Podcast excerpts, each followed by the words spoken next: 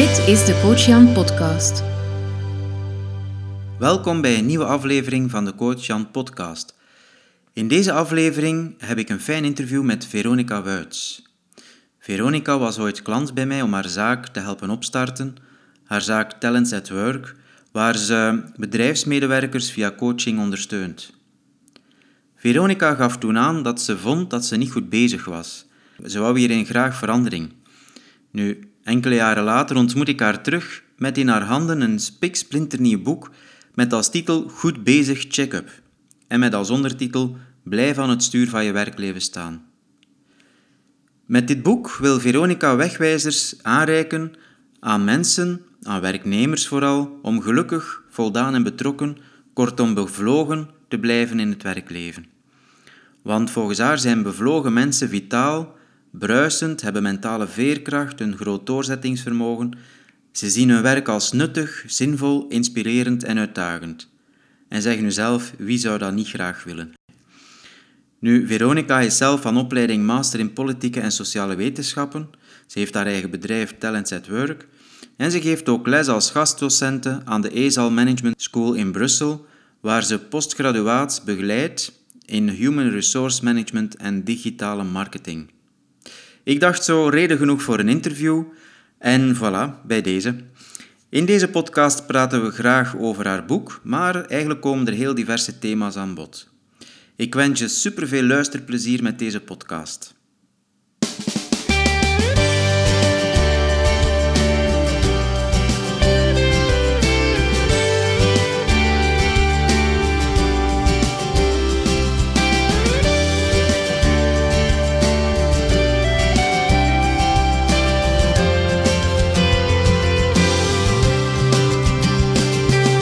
Welkom bij de Coach Jan Podcast, jouw online gids naar een sprankelend en betekenisvol leven.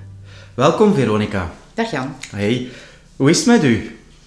Uh, goed bezig zou ik zeggen. Dat klinkt naar een boetade, maar nee, goed bezig. Ja, ik merk het ook. Ik zie uh, ja, uw boek verschijnen. Ik zie ook um, ja, u een presentatie geven. Ik zie heel veel op uh, Twitter en sociale media verschijnen rond uw boek. Dus ja, goed bezig inderdaad. Hè? Dank u. Ja, we kennen elkaar al een paar jaar. Hè? Ja. Weet jij nog hoe dat we elkaar zijn tegengekomen? Uh, social media zat daar alleszins tussen. Uh, want ik denk niet eigenlijk dat ik jou al gezien had face-to-face voordat ik eigenlijk uh, jou heb gevraagd om mij te coachen. Mm -hmm, ja. Maar ik had ervoor al wel van jou gehoord via social media, want anders benader ik niet iemand ja, zomaar. Ja, ja. ja, maar het is inderdaad al een paar jaar geleden. We hebben dan even uh, intensief samengewerkt. Ik denk dat het 2012 moet zijn of 2013. Dat kan, 12, 12 13. Ja, het is... Eh, en ja, nu zie ik u met een boek verschijnen, dus uh, ja, ik ben eigenlijk super trots eigenlijk. ik vind dat ongelooflijk. Uh, het is ook een heel interessant boek. Ik heb het nog niet gelezen van voor naar achter. Ik heb wel al een exemplaartje. Mm -hmm. Dank u wel daarvoor. Um, ik heb uiteraard ook al uh, ja, de, de, de goed bezig check-ups, de wegwijzers. Ja. Uh, mag ik het wegwijzer noemen? Dat is de naam. Dat is de naam, die we gegeven ja. hebben, ja. Uh, ook al doorgenomen. Ik vind het geweldig. Ik vind het uh, enorm bruikbaar. Ik vind het super um, krachtig als methodiek allemaal. Dus ik zie dat jij dat allemaal gratis weggeeft. Ik vind dat ongelooflijk knap. Trouwens, voor de luisteraars die, ehm, die naar het einde toe van deze podcast nog aanwezig zijn, hebben we ook nog een cadeautje. Hè? Ja. Dus dat wil ik al meteen nu al meegeven. Nu, hoe zijn eigenlijk op het idee gekomen om dat boek te schrijven?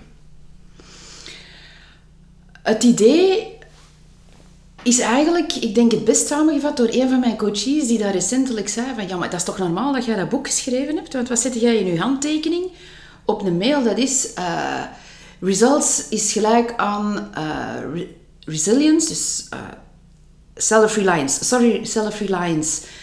Um, en, en nu ben ik het kwijt in het Nederlands, over zelfredzaamheid. En die boek gaat eigenlijk over zelfredzaamheid. Mhm. Mm -hmm. En als je voor jezelf kunt zorgen, hoe wetende dat je dat nog altijd met anderen doet, dan is de kans dat je je resultaten kunt blijven neerzetten veel groter. Mm -hmm. Ja. Het gaat over zelfredzaamheid, enerzijds. En het andere stuk is, als je zelfredzaamheid en je, zit niet bij de, je blijft niet bij de pakken zitten en je kijkt vooruit en je bent proactief, dan zit je tot veel meer in staat dan wat je zelf denkt. Ja. En voor wie heb je precies dat boek geschreven? Het is voor iedereen geschreven, dat wil niet zeggen dat iedereen het gaat nemen. Dus eh, het impliceert dat je in staat bent van in een spiegel te kijken en eh, ja, ook te zien dat het misschien niet is wat je zou willen dat het is.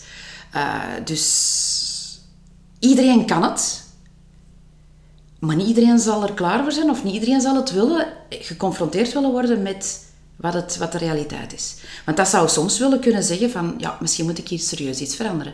Misschien moet ik een, van koers wijzigen, moet ik het roer omgooien. Eh, moet ik iets anders gaan doen, moet ik het anders aanpakken. Ja. En daar is niet iedereen altijd even... eh, Niet altijd iedereen de energie voor, de goesting voor, de mogelijkheid voor. Mhm. Ja, ik ging juist vragen, wat is daar de reden van? Wat maakt dat sommige mensen, of eigenlijk wel veel mensen, wel weten dat ze het anders moeten aanpakken, hun leven, hun werk, hè? maar dat ze er niet in lukken om dat te doen? Of daar, daar misschien zelfs niet eh, bereid toe zijn om, om te veranderen? Als ik zie naar mijn coaches, dus ik geef zowel eh business coaching als ook een aantal uren per maand loopbaancoaching. Ehm, wat ik zie is dat er meer en meer jonge mensen komen, die ook al geconfronteerd worden met zware stressverschijnselen. Die hebben nog niet dat gevoel van die gouden kooi.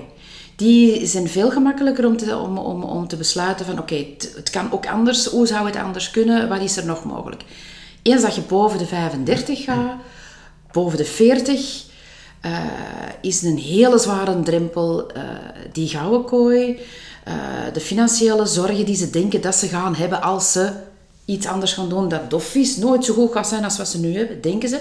Terwijl dat ze eigenlijk stijf staan van de stress en stijf staan van het ongelukkig zijn. En ook echt wel weten van, ja, maar dit kan ook niet verder. Ja. Ehm, de dingen die je nu beschrijft, die lijken mij te leiden aan een burn-out.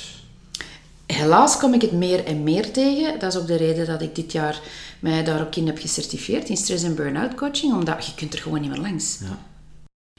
Ik heb nu een nieuwe coachie van 62 jaar, die op twee jaar van haar pensioen staat, waar dat het bedrijf heeft gevraagd van, wilde haar coachen, want ze heeft een burn-out gehad, na 43 jaar gedrag van altijd te veel doen, maar dat ze nu opgeknapt is. Kunnen haar coachen om de laatste twee jaar en ook nadien toch te zorgen dat ze, dat ze dat niet terug overkomt. En eigenlijk, aan de ene kant merk ik dat ze niet wilt veranderen, want het is toch, zo ben ik nu eenmaal. Maar aan de andere kant is wat ze heeft meegemaakt zo zwaar, dat ze ook zegt, maar dat wil ik ook niet meer. Dus ik denk dat eens dat je erin zit, de pijn zo groot is, de, de, de misère zo groot is, dat ze dan zeggen, oké, is het dit wel waard? Ik ben ook tot daar moeten gaan, hè. Mhm. Been there, done that, hè. Jijzelf? Ja. Ja. Dus heel dikwijls vinden het ook bij vechters, hè, zeggen, ik geef niet op, hè. Ja, ja. Wij gaan door, hè. wij hebben ons geëngageerd en wij gaan door. Hè. Mhm. En soms en op den duur niet meer weten waarvoor dat ze doorgaan. Ja, precies. Eh, allee, wat mij opvalt is dat 30 jaar geleden burn-out bestond niet. Of werd niet zo benoemd. Of werd misschien niet zo benoemd. Misschien waren toen meer depressies of, of wat dan ook. Ik had het de eerste keer in 87 en toen noemden ze dat een depressie. Ah ja, maar het was een burn-out volgens Maar mij. het was een burn-out en dat was heel strikt gerelateerd. Ik kreeg toen bijvoorbeeld medicatie, Ja, ja. want dat was een depressie, die niks hielp tot het moment dat bij mij de- de klik gekomen is. En dan was ik, kon ik wel beter worden. Ja, precies. Ja. Wat deed jij in die tijd van werk? Ik eh, gaf les in een school Ah ja. En de situatie waardoor dat ik in burn-out gegaan ben, was eigenlijk eh, zeer zware stress door pestgedrag. Oei. Maar van één klas, Ja. maar dat was voldoende om eigenlijk, Van de leerlingen. ja, via ouders via de leerlingen. Ja. Wow, dat moet wel eh, zwaar geweest Dat zijn. was heavy, ja, ja, ja. Dat was heavy, omdat ik daar drie jaar met heel veel succes en met heel veel plezier heb gestaan. Dus dat was ik zo, jongen, mij gaan ze hier niet hebben. Hè. Dat is niet waar, dat is hier heel goed. Ik ben goed, dat komt hier goed. Mensen zijn content altijd van mij geweest. Ik geef hier niet op, ik ga hier, ik ga hier niet mee. Totdat het op zo'n manier... Totdat op een bepaald moment bij mij zo de vraag kwam, wacht even, klopt dit nog? Moet dit? Ja. Is dit eigenlijk nog wel oké? Ja, en van het moment dat je die vraag begint te stellen, dan is het om zeep. Ja. Want zolang als dat je die vraag niet stelt en dat je wilt vechten, dan, heb, dan haalt je wel ergens energie, totdat je lichaam ook zegt, het is gedaan. Hè? Ja. Maar dan wilskracht is heel, is heel krachtig. Maar van het moment dat je in vraag begint te stellen wat je aan het doen bent en waarom dat je het doet, ja, dan is het gewoon echt letterlijk en figuurlijk van de dam. Ja. En dan inderdaad ziek geworden. Ja. En dan u gereorganiseerd, gereoriënteerd of... Ja, na... Ja, ja. Oef. Ik ben ziek geworden in februari. Ik ben terug beginnen beter worden vanaf eind juni, toen ik wist dat ik niet meer terug zou geroepen worden. En het heeft mij eigenlijk geduurd tot januari, februari het jaar erop om echt terug volle energie te hebben. Ja, ja. Mooi. Dat is intensief. Ja. Ja. ja. Nu, uw boek dat je geschreven hebt, het gaat ook over de work-life balance. Dat zit ermee in. De bedoeling is niet, die boek gaat niet over burn-out. Nee. Ik heb dat ook bewust niet willen doen. Ja. Eh, omdat, ja, om ook niet mee in die hype te gaan, voor het stuk hype dat er misschien zou kunnen inzitten. Ehm, maar ik heb het daar niet willen over hebben. Dus ik heb het echt gehad over hoe kun je ervoor zorgen dat je daar gewoon uit blijft, dat je gelukkig blijft. Dat je tevreden blijft met waar dat je mee bezig bent, jaar in, jaar uit. Ja. Want goed starten ergens, dat doen de meesten. Allee, ik hoop toch dat de meeste mensen, als die ergens een contract tekenen bij een bedrijf, dat ze weten wat ze doen en dat ze daar met volle goesting voor gaan en, en vol verwachting zijn over wat er gaat komen. Oké, dat dat nooit 100% is wat dat ze denken dat het is, dat weet ik ook wel. Ehm, maar de vraag is vooral van hoe blijf je goed bezig? En, en daar eigenlijk is de bok rond gemaakt. Van, Ah, ja. Hoe kun je voor jezelf die jaarlijks een check-up doen? Gelijk als we aan een tandarts gaan jaarlijks, met of zonder goesting, eh, eh, naar, de, naar de technische controle met een auto. bedoeling daarvan is dat die een auto in goede staat blijft, zodat wij zelf er goed kunnen mee rijden, maar dat er ook weinig accidenten zijn naar anderen. Ja, ja. Dus het is niet alleen voor uzelf, het is ook naar anderen toe. En die goed bezig check-up is ook met de bedoeling van hoe ziet mijn werkleven eruit? Er zit werken in en er zit leven in het andere leven. Als je dat jaarlijks checkt, is de kans ook groter dat je op tijd merkt wanneer dat er een flow in komt, wanneer dat er, een A, niet een O, Eh, wanneer dat er ergens een, een, een kink in de kabel aan het komen is, wat je meestal niet ziet, direct, want je zit er te veel, te veel op. Maar als je met afstand kunt zien, één keer per jaar, en is gewoon de rekening maakt van hoe was het voorbije jaar? Hoe heb ik het gedaan op het, op het vlak van doe ik nog altijd wat ik graag doe? Doe ik nog altijd wat ik goed kan? Is het materieel praktisch in orde? En heb ik nog altijd het gevoel dat ik zinvol bezig ben? Als je die inventaris jaarlijks kunt opmaken en dan bereid bent om te zien van oké, wat ga ik anders doen of hoe, hoe kan ik het anders aanpakken en hoe hou ik rekening met mijn omgeving? Ja, dan doe je die een check-up en dan heb je de kans dat je goed bezig blijft. Ja, precies. En hoe weet je dat je aan een check-up toe bent? Wat, hoe, eh, of hoe, hoe plan je dat? Of hoe doe jij dat zelf? Ik doe dat nu, eh, ik doe dat jaarlijks met een vriendin.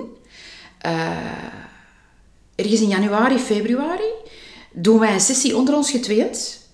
eh, waar dat we eindigen met een moodboard. Waar we eigenlijk terugkijken op het voorbije jaar en gaan zien van oké, waar willen we de focus op leggen op het komende jaar. Eh, ik lees de vragen voor en dan samen doen we dat, noteren we dan. En op het einde maken we dan samen met de happiness en met de flow materiaal maken we onze moodboard. Ehm, en ik denk dat dat ook iets is, gewoon al door mijn beroep, waar ik ook meer mee door geconfronteerd word, want het is wat ik continu met andere mensen doe. Ja.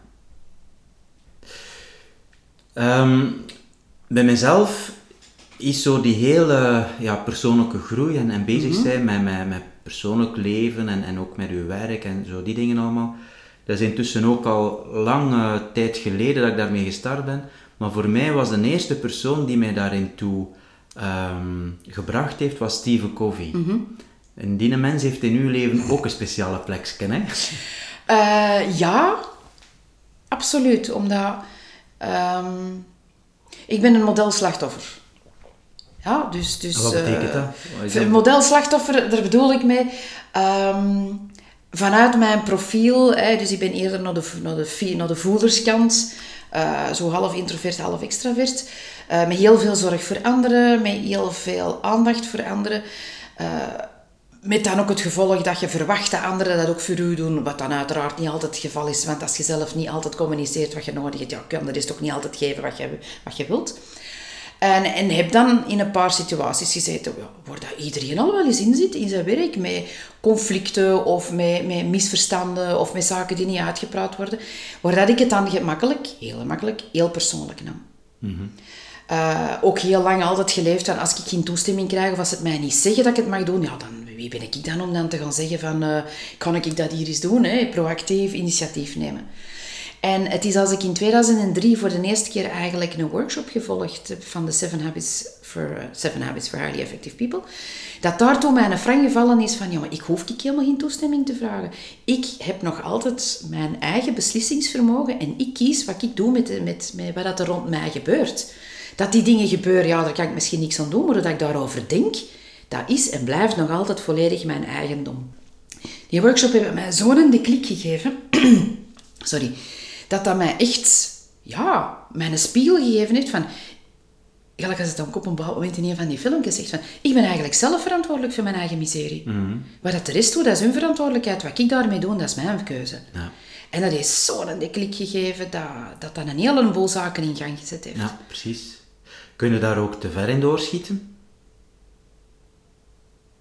Ja, waarschijnlijk. Je kunt niet alles te ver doorschieten. Ja bedoeling, allee, bedoeling is niet van dan gewoon uh, cavalier te gaan spelen en alles dan de wereld naar uw hand te zetten. Maar dan nog, dan is het om die anderen, om ook hun verantwoordelijkheid te nemen en te zien van waar, hoe ver gaat het daarin door, ja of nee.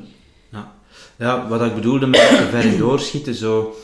Ik merk dat ene keer dat iemand begint met persoonlijke groei, dat is iets dat je niet meer loslaat. Dan, Je begint te reflecteren over jezelf, over hoe dat je uh, u gedraagt bij anderen, wat je kunt verbeteren aan uzelf en aan, aan uw relaties en aan, aan uw werk en dit en dat.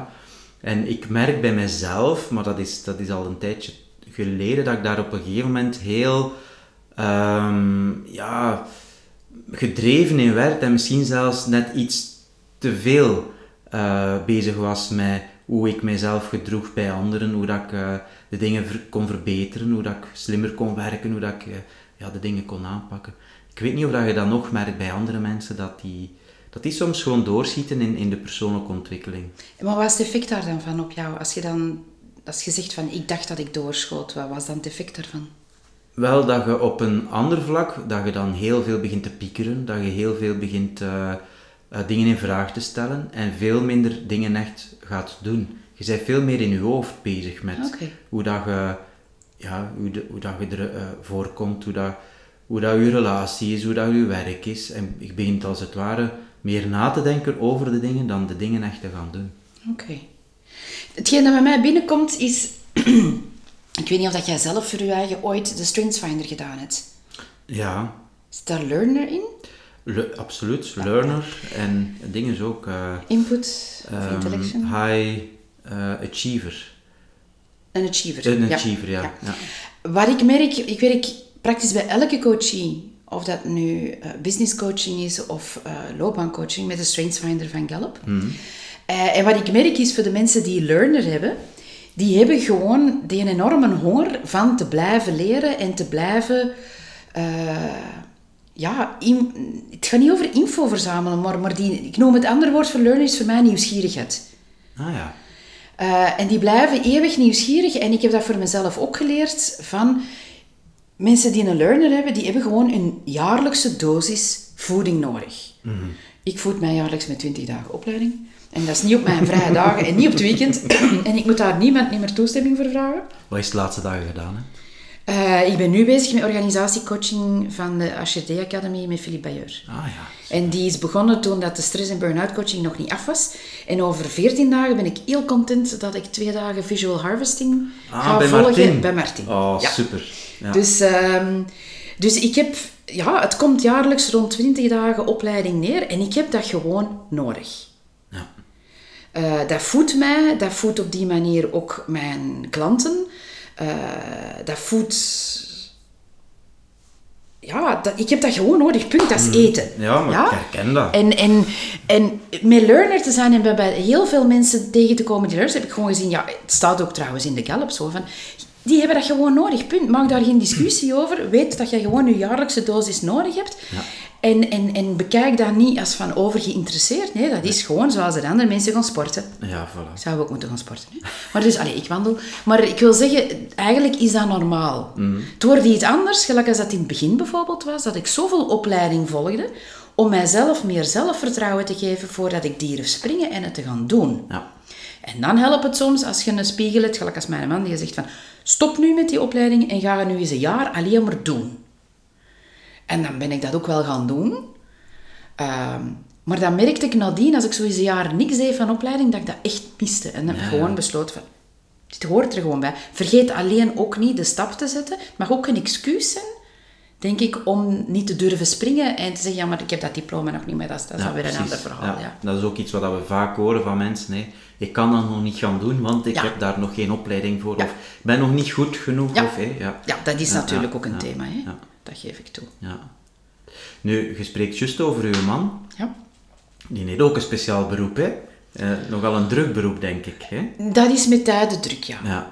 Wat doet hem ook alweer? Ik weet dat Die werkt bij Universal Ja, Music ja. en daar is die Head of French Department. Dat Ja. wil dus zeggen, hij is verantwoordelijk eh, in België voor alle Franstalige artiesten. Ja. Dus dat zijn mensen gelijk als een Stromae, een Puggy. eh, dus dat wil zeggen, zeker in het hoogseizoen van de concerten, dat hij toch ja, gemakkelijk twee tot vier keren per week s'avonds weg is. Ja. Omdat hij het ook zijn plicht vindt en zijn verantwoordelijkheid om zijn, om zijn artiesten te coachen en te begeleiden. Ja. En aanwezig te zijn op die concerten. Dus eigenlijk is uw man de coach van Stromae. Ehm naar marketing toe, van de platenfirma, want Stromae is nou een voorbeeld, die doet alles zelf. Ja. Ehm, maar hij is absoluut wel de begeleider en een soort van coach van zijn artiesten. Met als gevolg bijvoorbeeld dat als die artiesten van firma verhuizen naar een andere firma gaan, dat zij toch nog Gilbert blijven contacteren met de vraag, zeg, wil die eens luisteren naar de, de laatste demo, wat vinden ervan? En, en dat die ook zelfs als ze daar weg zijn, met hem in contact blijven zoeken. Ah ja. Zijn bedoeling is dus ook om eigenlijk het boek in het, naar het Frans te vertalen, want hij is Franstalig. Ja? Met dan de zaken toe te voegen die hij vanuit zijn praktijk eigenlijk... Wauw. eh, ja, co-autorschap. Om dan eigenlijk de zaken die hij vanuit zijn praktijk ervaren heeft ook eh, mee in te brengen. Maar dat is tof dat je dat als koppel kunt doen. Ja, wij, allee, op dat gebied heb ik enorm veel chance. Ook als koppel zijn wij heel sterk. En ja, we hebben dat al gedaan, elkaar bevruchten. Maar ik wil zeggen, wij blijven elkaar continu... Hebben twee kinderen, maar wij blijven elkaar continu eigenlijk stimuleren en ondersteunen in, in, in de ontwikkeling. Ah, je ook een learner. Ehm, in blijven groeien, blijven leren... eh, de quotes bijvoorbeeld die in een boek staan, heel veel zijn door hem aangebracht. Eh, van, oh, dat zou een goeie zijn en dat zou een goeie zijn. Bijvoorbeeld ook het, het idee van die GBC, dus goed bezig, check-up. En de symboliek die in het boek gebruikt wordt met die handjes, komt ook van hem. Ja, als marketingman Ja. heeft hij het daar iets gemakkelijker mee dan ik. Zeg, en wat is het succes voor jullie relatie? Want jij bent zo druk, hij is zo druk. Jullie hebben twee prachtige kinderen, die het ook eh, heel druk hebben. Ja, die, nu, die, die eigenlijk nu al sinds een jaar of twee zo uit huis uit zijn. Eh, dat is toch tijd blijven maken, denk ik, voor elkaar. En dat hebben we van in het begin gedaan. We hebben van in het begin de wijze les gekregen van mijn ouders. Zorg dat je ondanks de kinderen, ondanks de drukte, minstens één keer per jaar echt alleen maar met elkaar op vakantie gaat. Ah, Wij zorgen wel voor de kinderen, of je zorgt dat er iemand is voor de kinderen. Ik denk dat die kinderen eigenlijk heel... Daar gaat dan eigenlijk mijn laatste, mijn volgende blog over. Ja, dat moet nou lukken, hè. Ehm, ik denk dat die kinderen heel blij zijn als die ergens anders naartoe kunnen, maar dikwijls denk ik dat de ouders denken, nee, ik kan die niet wegdoen, nee, ik kan toch niet zonder mijn kinderen op vakantie gaan. En dat is iets dat wij van in het begin echt heel met zorg, ja, hoe moet ik dat zeggen, echt voor gezorgd hebben. Dat is dat wij tijd blijven maken voor onszelf. Ah ja. En dat zit bijvoorbeeld in, in als dat kan, elke avond samen gaan wandelen. We hebben een hond, omdat we zouden gaan Ja. wandelen. Ehm, we hebben sinds twee jaar de ongelooflijke uitvinding van SmartMat. En wij koken dus s'avonds nu samen. Dus ik start niet als hij nog niet thuis is. Wij starten van het moment dat hij thuis is. En dat zijn momenten gewoon samen. Maar ik denk het belangrijkste is van dat wij alle twee onszelf ontwikkeld hebben zonder elkaar kwijt te raken. Wat je dikwijls hoort, denk ik, is van één van de twee ontwikkelt zich, groeit maar de andere blijft staan. For whatever reason. Maar als je dat samen, die weg, als je samen kunt blijven groeien en ontwikkelen, dan kun je ook elkaar blijven interesseren. En dan denk ik dat de kans dat het samen blijft werken, ook zelfs na 25 jaar, veel groter is. Ja, ja, ik herken wat dat je zegt. Ik heb dat ook ervaren in mijn eigen relatie. Maar wat ik ook merk, dat is dat dat tijdelijk is. Dat, ik heb even in onze relatie, we zijn 15 jaar samen, ook het gevoel gehad van... Ja, ik ben een keer aan het ontwikkelen op bepaalde vlakken. Hè, bijvoorbeeld mindfulness of andere hè, psychotherapie. Je werkt aan jezelf.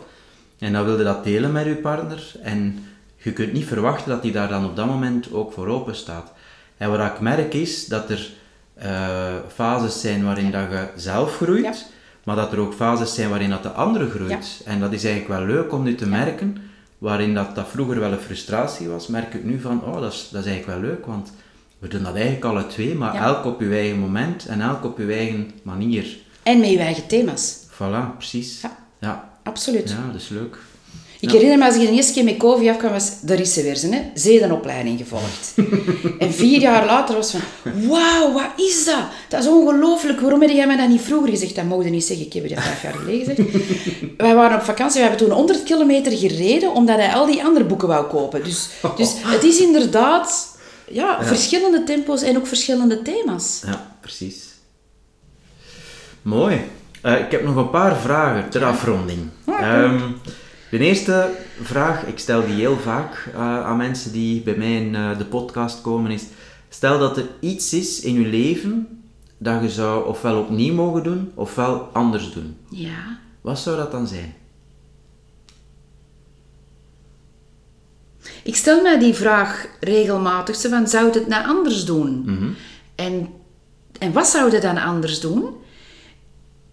En ik heb eigenlijk tot hiertoe geen... Niet dat ik geen antwoord heb, maar ik zou het voorlopig blijven doen Ja. zoals ik het nu doe. En stel dat je een advies zou kunnen geven aan je jongere ik. Ja, oké. Welk advies zou je dan geven? Weet wanneer dat je ja moet zeggen en waarop dat je ja zegt. En weet ook wanneer dat nee is. Ah ja. En dat is hetgeen dat ik geleerd heb met de eerste keer in 87 daar zo tegen de muur te gaan.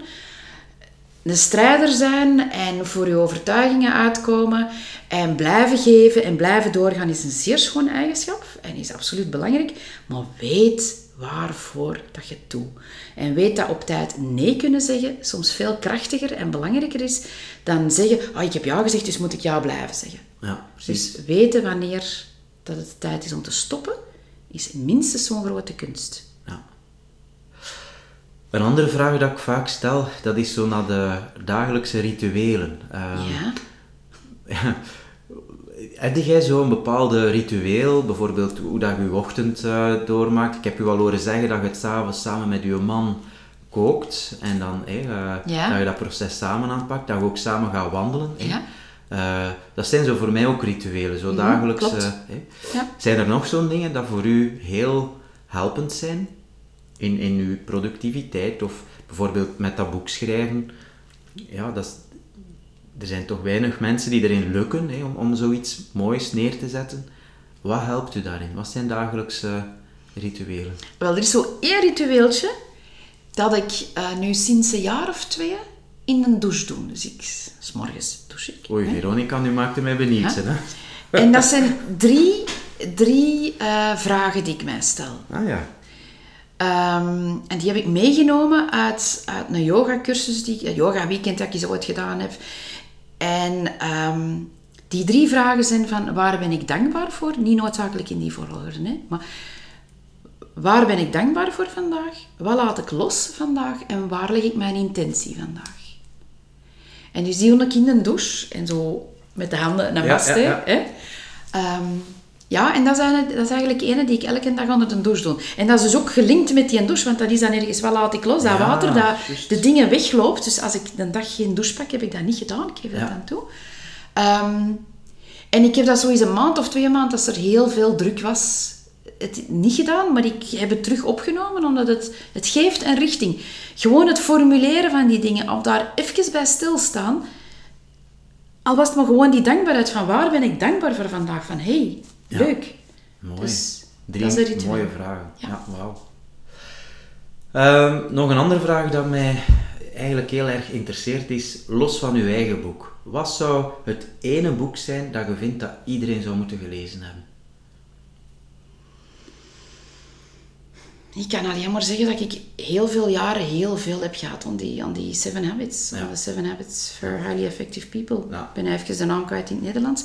Maar ik vond dat gezond boerenverstand in een heel handig model gegoten. Ja, precies. Ja, dat, dat staat ook op mijn nummer 1. Ik eh, kan alleen maar zeggen dat ik u helemaal gelijk geef. Eh, dat bestaat in, kleu in kleuterversie, in tienerversie, in relatieversie. Want het is zo trouwens dat ik het eigenlijk ontdekt heb. Ah, ja. Voordat ik naar de workshop geweest ben, heb ik de, een boek gelezen. De, de zeven, Seven Habits of Highly Effective eh, Couples. Ehm, en zo heb ik het eigenlijk ontdekt. En, en dat is een boek bijvoorbeeld die ik heel gemakkelijk voor een huwelijkscadeau zal geven. En als er een kleine geboren wordt, ga ik, geef ik heel gemakkelijk dus die Seven Habits voor, voor, voor, voor toddlers. Ja, ja, mooi. Dus, Mooi eh, omdat het zo Ja. sterk is. Ja. Ehm, je hebt nu een boek uitgebracht. eh, je hebt een eh, heel goed draaiende praktijk. je geeft af en toe les nog. hè. Ja. Ehm, je geeft trainingen. Ehm uw kinderen zijn eh stilletjes aan, aan het uitvliegen. Mhm. Wat staat er voor u op het programma de komende jaren? Wat, eh, wat zijn uw dromen? Voor mij is de belangrijkste droom, denk ik, van eh, kunnen blijven leren. En dat doe waar ik de meeste voldoening uit haal. En waar ik het gevoel heb dat ik, dat ik, dat ik anderen kan, kan in ondersteunen. Maar dat wat dat ik graag doe. Dus eh, wat is bij mij zo blijkbaar de, eh, de verandering? Dat is om de tien jaar. Dat is het jaar zeven. Dus in 87 heb ik die een burn-out gehad. In 97 eh, ben ik vertrokken bij mijn eerste bedrijf dan in de privésector. In 2007 hetzelfde. Tijd voor zelfstandigen te gaan, blijkbaar. 2017 is volgend jaar. Hè? Dus dat betekent dat er waarschijnlijk ook weer een verandering gekomen. Nu zou ik ze iets meer graag proactief zelf in hand hebben dan de vorige keren. Eh, toen het mij meer zo was van, ah ja, dus dat wil zeggen dat er iets moet veranderen. Ehm, het zal waarschijnlijk altijd blijven rond ondersteunen van mensen. eh, maar voor mij blijft toch het belangrijkste dat ik op tijd blijf zien van... Ben ik nog aan het doen wat mij de meeste energie geeft en waar ik de meeste impact kan hebben? Ja. En wat dat, dat dan is, dat vind ik eigenlijk minder belangrijk. Het is eerder van... Want daar zit evolutie op, daar zit groei op. Maar dat, dat, dat, dat komt dan wel. Ja. Maar ik ben echt benieuwd wat dat, dat teweeg gaat brengen. Ja. Is dat precies genoeg? Misschien niet. eh, maar het is vooral alert blijven voor wat komt er op mijn weg en wat zijn de signalen die ik krijg. Misschien is dit dat meer. Alert blijven voor wat komt er op mijn weg en, en hoe kan ik dat vormgeven. Als dat, dat boek op mijn weg gekomen is. Ja. En dat ik dat ook gepakt heb. ja. Mooi. Ehm, is er nog iets dat jij aan uw eh, toekomstige lezers van uw boek ehm, wilt wensen? Als je het koopt, doe het dan met iemand anders. Ik heb recentelijk... eh, ik zit in die, in die opleiding, hè, organisatiecoaching, en er was ook iemand die het gekocht had. Die was met twee andere vriendinnen naar de boekvoorstelling geweest. En die, had zichzelf, die heeft zichzelf dus een weekend geboekt met, met, die drie, met die twee vriendinnen en nog iemand. Rond waar gaan we naartoe? Hoe wil ik mijn toekomst? En met het boek als tool om elkaar te coachen. Dan vind ik dat, dat vind ik dan, ja, dat was wel wauw. Dat is geweldig. Ja. Dus denk van, als je het koopt en je wil het bekijken, doe jezelf een plezier en neem een sparringpartner. Ja. Zodat je dat met elkaar kunt bespreken. Want Ja, dan ja. denk ik dat het nog altijd veel krachtiger is dan gewoon die, oef, die wegwijzers. Ja, precies. Doe mij denken aan een quote van Edel Maaks, die zei, uit een boek kunnen niet leren piano spelen. Nee. En ik vind dat, dat is eigenlijk wat dat je nu zegt, van, eh, je kunt het boek wel lezen, maar als je het gewoon leest en in, in je hoofd doe je wat oefeningsjes, Ja. gaat dat nooit zo krachtig zijn als dat je het echt uitspreekt en met iemand concreet aanpakt. Hè. Ja. En dat is dan ook weer misschien een rol weggelegd voor uw partner, om dan een keer samen te doen en op die manier dan samen die zaken te bespreken. Mm. En dat is ook weer een manier om samen te groeien. Ja, tof. Nu, we hebben ook een cadeautje voor de luisteraars. ehm, waar dat je op de website, hé, we gaan een, eh, een, een pagina maken met deze podcast. Op de pagina van deze podcast kun je ook een, eh, een hele belangrijke wegwijzer eh, van dit boek downloaden. Hé. Dus eh, gewoon even surfen naar de pagina van deze podcast en dan ja, kun je daar de download vinden. Voilà. Um, Misschien nog even ingaan op dat woord wegwijzer. Ja. Uh, de reden waarom ik dat, die, de, het woord wegwijzer gekozen heb, is... Um, het idee was van, het is iets om wijzer te worden op uw weg. Mm En het is ook een wegwijzer in de zin van een, een, een, een indicatie van die richting kunnen gaan. Um, vandaar die vragen die u daar voorgelegd worden, zijn een manier om wijzer te worden op uw weg en om uw richting te geven. Dat is de reden dat ik het woord gekozen ja, heb. Ik had het nog niet door, wijzer. Ja, dat echt, het echt heeft al een betekenis, ja. Mooi. Het zit vol van de symboliek ook. Hè? Ja, ik hou van... Ik heb twee jaar verkoop gedaan en dan leerde echt hoe krachtig dat elk woord is en wat elk woord ja, voor betekenis kan hebben. Dus ik speel graag met woorden, ja. ja prachtig, ja. Ik kijk er enorm naar uit om echt helemaal uh, in het boek te duiken. Um, ik ga er ook echt tijd voor nemen en misschien zelfs uh, mijn vrouw erbij betrekken. Dat zou mij super leuk uh, lijken. Um, ik wil u alvast heel graag bedanken voor. Uh, het, het, was echt een superleuk gesprek. Ik weet niet hoe dat jij het gevonden hebt. Het was heel spontaan, zoals dat je ja. voorspeld had. Ja, dus nee, ik vond het leuk om het te doen. Dankjewel. Ja. Ook voor de kans die je gegeven hebt.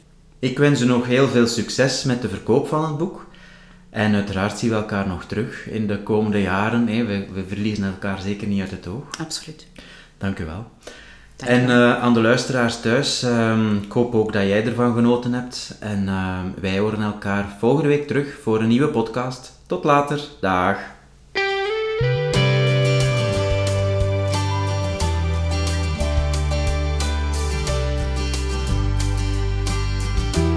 Dit was de Coach Jan podcast. Reageren op deze aflevering kan via www.coachjan.be/podcast. Vond je dit een goede aflevering? Dan stellen we jouw waardering en beoordeling in iTunes op prijs. Dit zorgt er mee voor dat ook andere mensen deze podcast vinden.